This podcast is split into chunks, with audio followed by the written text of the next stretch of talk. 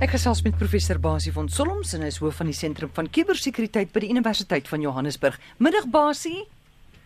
Hallo Amore en Marieta en wat oh, saam met Tersies. Dis Oh. nie meer so ver nie. Hoorie Basie, hier is die lyn klink nie vir my so helder soos gewoonlik nie. Maar die fout lê nie aan jou kant nie, maar kom ons kyk hoe ver ons kom. Die kon Ons kyk. Basie die konsepwet op kubermisdaad is verlede week deur die parlement goedgekeur en aanvaar. Nou die wet definieer kubermisdade en strawwe. Gaan dit in die realiteit uitspeel in ons lewens hier in Suid-Afrika? Sal dit in die praktyk kan goed werk? Ek dink dis 'n baie goeie vraag en die kuberwet uh, wat nou goedgekeur is, definieer 'n klomp kubermisdade waar waarvan ons almal bewus is. Jy weet daar word spesifiek genoem die feit dat as jy 'n foto van iemand stuur sonder sy goedkeuring, dan is dit nou 'n oortreding. Dit staan nou in die wet en daar word 'n spesifieke straf daarvoor voorgeskryf. As jy 'n uitspraak maak in die kuberruim oor een van die sosiale netwerke oor iemand wat hom benadeel, dan dan is dit 'n misdaad en jy kan daarvoor uh beboet word en jy kan selfs tronk toe gaan daarvoor. So Of dit gaan uitwerk bly 'n ander vraag. Ek dink Suid-Afrika is besonder goed daarin om wetgewings te skep wat op die wetboek is. Maar die afforsering, die voering daarvan, is ek tog maar al die jare baie sinies oor. As ons net kyk na al die mooi wetgewings wat ons het oor padverkeer, jy mag nie oor 'n wit streep by 'n kar verbygaan. As dit nie afgeforseer word nie, dan dan dan word dit nie afgeforseer nie. So die kubermisdaad is daar. Ek dink dis 'n groot stap vorentoe. Ek dink dit definieer misdade baie goed. Dit sê as dit verbied ek kom goed, maak kom goed misdade en ons hoop dit gaan ehm um, afgeforseer kan word en ons hoop dit gaan gebruik word. Ek het 'n brief die afgelope week van 'n pa gekry wat sê hy het op sy 13-jarige dogter se selfoon afgekom, 'n uh, slimfoon, en hy het gesien dat sy 'n paar pornografiese webtuiste besoek en hy wil weet hoe kan hy nou dit stop op haar telefoon en en mag hy dit doen? Dit is 'n baie baie goeie vraag en ek is vreeslik bly dat jy die saak aan die orde bring. Um baie baie ouers is hoogs bekommerd daaroor. Jy weet hier het jy 'n 13-jarige kind. Ek wil begin, ek wil twee dinge noem in hierdie om hierdie vraag bietjie aan te spreek. Die een ding wat ek wil noem is so twee weke gelede was daar 'n artikel gewees in 'n baie bekende Engelse koerant in Londen. Ek het dit nog uitgeskeur en saamgebring. En in die hoofartikel van daai koerant word daar gesê ouers het die reg om hulle om om te spioneer op hulle kinders. Die opskrif is om op jou kinders se sosiale netwerke betrokke te wees en te kyk wat gebeur is geregverdig in terme van die gevare van die bedryf. Nou baie ouers sê maar ek weet dit maar hoe kan ek dit doen? Nou ons het al 'n paar keer gesels oor ouer beheerpakkette. Maar meeste van die ouer beheerpakkette uh moet jy koop. Maar nou is daar baie goeie ontwikkeling en ek wil regtig hê ouers wat bekommerd is oor hulle kinders en wat bietjie wil begin bewer, werk en en die kinders se sosiale kuberbeweging uh begin bestuur. Daar's 'n nuwe pakket wat nou deur Google uitge uh verskaf is 'n nuwe toepassing. Nou dit is nie 'n groot waier van van Google nie, maar ek dink tog hier is iets wat ouers na kan kyk. Die pakket se naam is Google Family Link. Onthou dit. Google Family Link. En dit is 'n baie pakket wat wat redelik ryk is in sy funksionaliteite. Jy kan byvoorbeeld gaan kyk. Jy sit 'n toepassing op kind se foon en die kinderweergawe van die toepassing en jy sit 'n toepassing op jou foon. En tussen die twee toepassings kan jy dan van jou selfoon af sien by watter webwerwe was die kind gewees. Jy kan goed stel soos tye. Jy mag net tussen hierdie tyd 6uur in die oggend of 6uur in die aand en 7uur in die aand mag jy op die kuberruimte wees. Jy kan die foon afskakel wanneer jy wil. Jy kan gaan kyk wat en met wie die kind gepraat op sosiale netwerke. So, dis eintlik is gratis eerstens wat baie ouers baie baie belangrik beskou en tweedens ek dink hy het 'n ryk versameling plekke waar ouers kan begin. So begin met Google Family Link. Jy moet 'n vertrouenshouding met jou kind hê. Mm.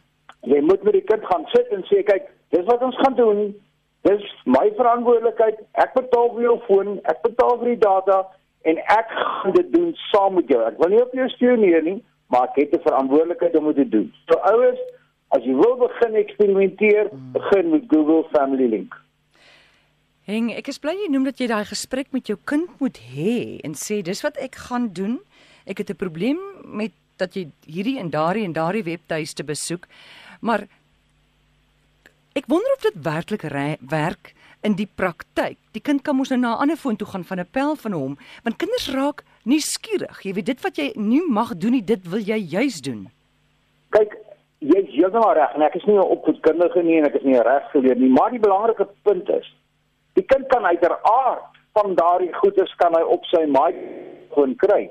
Maar onthou, baie van die probleme en baie van die die die leer uh vertragings om dit te stel jy 'n mooi woord nie, maar van kinders verskiet in die aand. Mm. Waar die kind in die aand sy eie persoonlike selfoon okay. kamer toe vat en dan van 2 uur tot 6 uur in die oggend met sy maat sit en gesels en dan kry hy nie slaap nie en hy's hy's kwaad as hy opstaan en hy's moeg in die skool. So daai privaat foon, as jy kan begin dat jy ek besef, daar is nie 'n volkomme 100% oplossing nie. Maar kom ek begin met die foon en ek is gewillig om vir jou 'n foon te gee, want daar's groot voordele sim foon vir 'n kind vir al veiligheidsfaktore. Uh ek kan jou in die hande kry, jy kan my in die hande kry ensovoorts en ook hierdie Google Family Link het dit nie eens genoem nie. Jy kan ook die kind uh se se se posisie bepaal. In ander woorde, deur GPS kan jy sien daar's hy, hy's by die skool, hy's daar.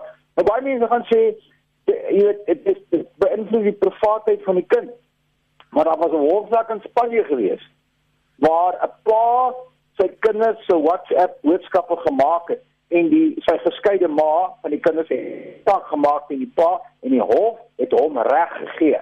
Die hof het gesê jy het reg gehad om in te breek op jou kinders. So, begin hierdie verhouding, jy besef nie, maar begin iets want later gaan jy en jou kind jy begin saamwerk en dan kan jy meer gesofistikeerde gesofistikeerde goed in plek begin sit.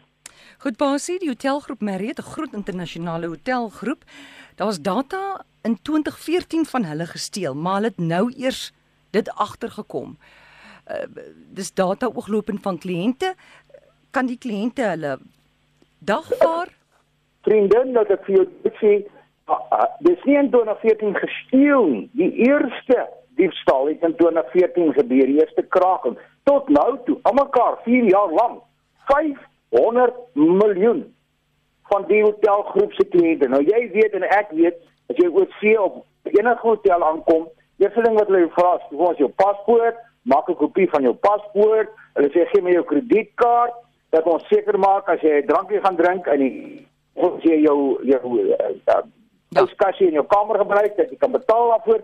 Daai inligting word alles op daai hotel se database gestoor waar jy is, hoeveel keer jy in die hotel was, ehm um, jou paspoort, alles. 500 miljoen van daai van daai hotelgroep is gesteel.